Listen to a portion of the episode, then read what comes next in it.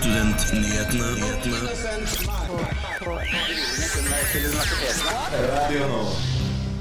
Flere utdanningsinstitusjoner er åpne om sin mening om krigen i Ukraina. Hva mener de forskjellige, og hvilke planer har høyere utdanningsminister Ola Borten Moe for studenter som kommer fra Ukraina? Denne uken hadde emneknaggen besøk av Thomas Tangen fra Henke og Tom-listen. Vi får høre et lite utdrag. Og regjeringen har kommet med akademiske sanksjoner mot Russland. Hva er tanken bak sanksjonene, og hvordan påvirker det pågående forskningsprosjekter?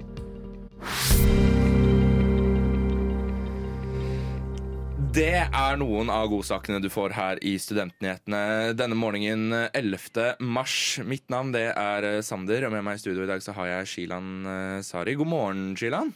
God morgen. Er det en god eh, fredagsmorgen? Det er litt sånn overskya og trist ute. Litt grått, men eh, vi kompenserer med det her på nyhetene. Vi gjør jo heldigvis eh, det, for sitter du der ute i en grå og tung fredagsmorgen, så kan du jo egentlig bare skru opp lyden, fordi du skal få høre masse om Ukraina.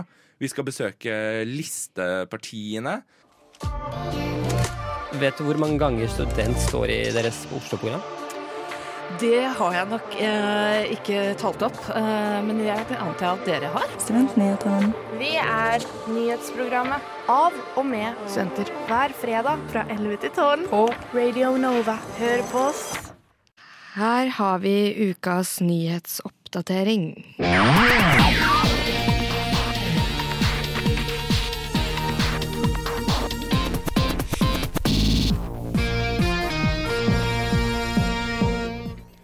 Antall studenter som utestenges fra universiteter og høyskoler har sett en kraftig økning, melder Krono.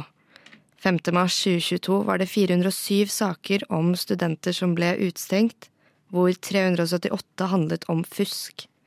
Tallene er hentet fra registeret for utestengte studenter. I går ble det kjent at Arbeiderpartiet og Senterpartiet utvider strømstøtten for de høye strømprisene frem til mars neste år. Det melder E24. Det dreier seg primært om ordningen som omfatter husholdninger, kulturlivet og landbruket. Olje- og energiminister Terje Aasland forteller VG at de ønsker å redusere kostnadene for husholdningene når prisene er ekstremt høye, og slik gi norske husholdninger en trygghet i en tid preget av økonomisk usikkerhet. Kunnskapsdepartementet opplyser om hets mot russiske ansatte og studenter i Norge, melder Krono. Departementet skriver i et brev til flere utdannings- og forskningsinstitusjoner at de har mottatt rapporter om hetsen, og ber institusjonene være særlig oppmerksomme på dette. De skriver også at departementet tar sterk avstand fra hetsen. Det var ukens nyhetsoppdatering, og mitt navn er Shilan Sari. Jeg gleder meg. Jeg skal tenne lys, kjøpe blomster til meg selv. Og Jeg skal ta med alle klærne. Har du vært på radio før, eller? Radio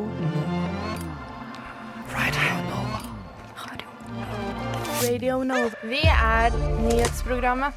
Hei, hei. Jeg vil bare informere deg om at du hører på Radio Nova med Studentnyhetene. Hei, hei. Nyhetsprogrammet av, med og for studenter, det er programmet du eh, hører på, nemlig Studentnyhetene. Eh, lurer du på hvordan din utdanningsinstitusjon har tatt stilling til krigen i Ukraina? Eller hvilke planer høyere utdanningsminister Ola Borten Moe har for studenter som kommer fra Ukraina? Da er det bare å lytte på den saken her. 4. mars bestemte regjeringen seg for å fryse all forsknings- og akademisk samarbeid med Russland grunnet den prekære situasjonen i Ukraina. Regjeringen fastslår likevel i en pressemelding at studenter som allerede er i Norge og har russisk statsborgerskap, ikke skal påvirkes eller bli berørt av de akademiske sanksjonene. Justisdepartementet har avklart at alle ukrainske studenter i Norge inntil videre er fritatt for returplikten hvis oppholdstillatelsen deres er i ferd med å gå ut. De kan altså få bli i Norge inntil videre. Videre melder også Justisdepartementet at ukrainske studenter blir fratatt returplikten om visumet er på vei til å gå ut. I lys av dette har flere ulike høyskoler, universiteter og andre akademiske institusjoner markert sin støtte til Ukraina på forskjellige måter. Enkelte har kommunisert budskapet ved å bytte profilbilder på sosiale medier, blant annet Oslo OsloMet, Høgskolen Kristiania, SIO Oslos nye høyskole og Norges musikkhøgskole. BI har imidlertid ikke valgt å bytte profilbilde på sosiale medier, men har heller valgt å fordømme angrepet ved å flagge det ukrainske flagget på campus i Nydalen. Dette skriver de på egne nettsider. Videre har de også valgt å gi 300 000 kroner til humanitær bistand i Ukraina gjennom Røde Kors. Krigen i Ukraina har sendt tusenvis av studenter og akademikere i Ukraina på flukt, og vi har sett sterke bilder av utbombede universitetsbygninger i Kharkiv. Rektor ved Oslo OsloMet, Kristen Krogh, sier i en pressemelding at universitetet tar sterk avstand fra handlingene til Russland. Dog presiserer han at de ønsker å kunne ivareta de tre studentene fra Russland som tilhører Oslo OsloMet, og at det er viktig å kunne understreke at russiske styresmakter og regimet har ansvaret. Det er altså viktig å skjelne mellom regimet og sivilbefolkningen som omfatter utenlandsstudenter.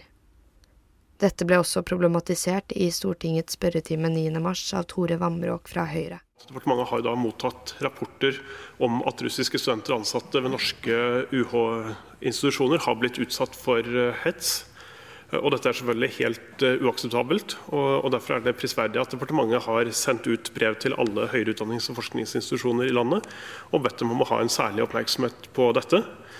Uh, og Det er godt å se at flere av institusjonene også har vært ute og, sagt at de selvsagt stiller opp. I spørretimen 9.3 kommenteres også utsiktene for ukrainske studenters akademiske integrering. I spørsmål om hvordan og i hvilket tempo man får overført studentene i universitetssystemene, svarer utdanningsminister Ola Borten Moe med at diverse tiltak vil bli gjort. Blant annet vil fristen hos Samordna opptak utsettes fra 1. mars til 17. april. Og så har jeg varsla, og det ville jeg jo aldri gjort i en, eh, en hvilket som helst annen situasjon, eh, at vi er villige til å skli på frister f.eks. knytta til Samordna opptak. Altså Hvis det her er folk som kommer til, til våren, og som skal ha førstegangsopptak på norske universiteter og høyskoler, så er det meningsløst at man skal vente et år. Da må vi fikse det på et eller annet vis. Det skal jeg fikse. Selv om alle formelle akademiske samarbeid er blitt fryst, oppfordrer likevel UiO og Oslo OsloMet sine ansatte til å holde kontakt med sine medforskere.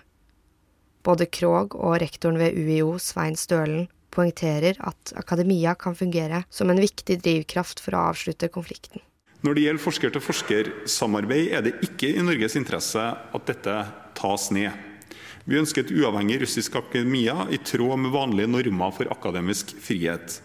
Akademia kan være en viktig motvekt mot myndighetene, også i Russland. Derfor gir vi norske universitet, høyskoler og forskningsinstitusjoner eller forskningsinstitutt en liten åpning for å fortsette samarbeidet som det er forsvarlig og faglig grunnlag for å ha. Reportere i denne saken det var eh, Skiland og Sigrun, og du har også hørt lyd fra Stortingets spørretime 9.3.2022. Eh, er du litt usikker på eh, hvilke partier som stiller til valg ved valget til studentparlamentet i Oslo? Da er det bare å holde seg på tråden. Vi skal straks få høre fra noen av dem. Du Du Du hø hører på, på Radio Nova. Ja, denne uken var Thomas Tangen og fra Henke og Tom-listen på besøk hos Emneknaggen for å fortelle litt om hvilken politikk listen mener kan styrke studentdemokratiet på Universitetet i Oslo. Her kommer et lite utdrag. Um, uh... Emneknaggen? Velkommen til Emneknaggen, Radio Novas gjeveste debattprogram. Eh, vi har nå fått besøk av Thomas Tangen. Hallo. Hei. Hei, hei. Hvordan går det? Det går veldig bra. Så bra. Um, du er jo da med i Henke og Tom-listen, stemmer ikke det? Ja, det stemmer. Jeg eh, har ikke funnet noen ny politikk eller viktigste saker fra dere i år, så jeg tenker vi kan basere oss på det dere hadde i fjor. Um, og da var jo første saken deres var frivillighet skal styre studentparlamentets virksomhet, og et økt fokus på frivillighet som sådan. Hva legger dere i det? Jeg tror um, det er to ting her. Um, det ene bygger litt på at uh, det vi som studenter på en måte holder på med ved siden av studiene, er aktive studentforeninger, uh, uh, som driver med diverse aktiviteter, det eh, det bygger veldig på en frivillighetstanke. Og mange av disse foreningene som mange er aktive i, de ville aldri gått rundt hvis ikke man hadde frivillighet. Um, og nettopp fordi det er så grunnleggende, og det er en hjørnestein i mye av aktiviteten som studenter holder på med ved siden av, av studiene, så eh, tror jeg også det er noe som, eh, som man bør dyrke. Da. Eh, og at, at, de politiske tillitsvalgte organene også bør ha fokus på å sette det i sentrum, fordi det er nettopp en så stor del av studentmiljøet. Um, så er det også noe med det at, eh, at det er mange frivillige organisasjoner eh, og foreninger, studentforeninger som jobber politisk, men som ikke nødvendigvis eh, klarer eller er, er, bevisst på at det er mulig å kanalisere det politiske arbeidet gjennom studentparlamentet. Eh, og, og, det er nok mange studenter som har et litt sånn eh, et, et, litt eh, hva skal man si ehm, eh, fjernt forhold til studentparlamentet. Eh, men så, så, er jo studentpolitikerne, eh, eller altså studentparlamentets tillitsvalgte, er jo veldig opptatt av at studentparlamentet er det sentrale politiske organet for studenter på UiO. Eh, og da er, jo, eh, er, det jo, merkelig at man må kjempe frem de politiske sakene parallelt. At ikke man kan, at ikke man kan samle den politiske styrken litt Eh, litt under en, et organ. Ja, for Nå går du jo litt inn i sak nummer to, eh, som er gi alle studentene ved UiO eierskap til studentpolitikken. Eh, er det gjennom frivilligheten dere har lyst til å gjøre det? Dette henger sammen, skal du se. Eh, ja da. Eh, det, det, vi også mener er viktig, er, er, er nettopp dette og at studentpolitikk skal være av og for studenter. Og det skal gjøres, det skal tuftes på, på et frivillighetsgrunnlag. Eh, ikke, ikke, fordi man får frynsegoder av å sitte i studentparlamentet eller, eller andre tillitsvalgte organer, og ikke, ikke, fordi det er eh, hva skal man si, eh, karrieristiske baktanker da, eh, som, eh, som, gjør at folk eh, stiller til valg eller, eller ønsker å kjempe frem en sak. Eh, så er det dette med valgsystemet er jo en veldig sentral del av det å gi studentene makt. Jeg eh, tror at eh, det kan være fordelaktig for de som ikke er, å engasjere de som ikke er så opptatt av listepolitikk, men som likevel er opptatt av hva som skjer og rører seg på UiO. Litt eierskap i politikken ved å åpne opp for at ikke bare partipolitiske lister kan stille til valg, men også folk som brenner for, for saker som ikke nødvendigvis har noen, eh, noen rent ideologisk stilling. Eh, um, så, så det, og det, det er, jo på en måte Det er noe som vi mener må skje gjennom frivillighet. da. Tusen takk til Thomas Tangen og journalist Selma Bull. Eh, hvis du vil høre hele episoden, ligger den på Studentnyhetene på Spotify. Nei, altså Vi skal fortsette å være en tydelig stemme. For studentene i Oslo. Og Akershus. Det er jo ikke alle som merker det. Studentnyhetene. Vi fremmer studentenes interesser. Det stemmer det. Du hører på Studentnyhetene. Student- eh, eller nyhetsprogrammet, alt ettersom hva du vil, av med og for studenter. Og vi skal tilbake til Ukraina, fordi situasjonen i Ukraina den preger også hele sektorer. I tillegg til enkeltpersoner. Kunnskapsdepartementet de la forrige uke fram hvordan de vil sanksjonere russlandsk eh, akademia. Men hvordan disse sanksjonene vil påvirke både norske og russiske forskere, er vanskelig å si. Vi har snakket med Signe Bjoltveit, politisk rådgiver for Ola Borten Moe, og forsker Arnfinn Munnvik Vonden. Og eh, da prøver vi altså å finne litt ut av dette. Forrige fredag la Kunnskapsdepartementet frem akademiske sanksjoner mot Russland.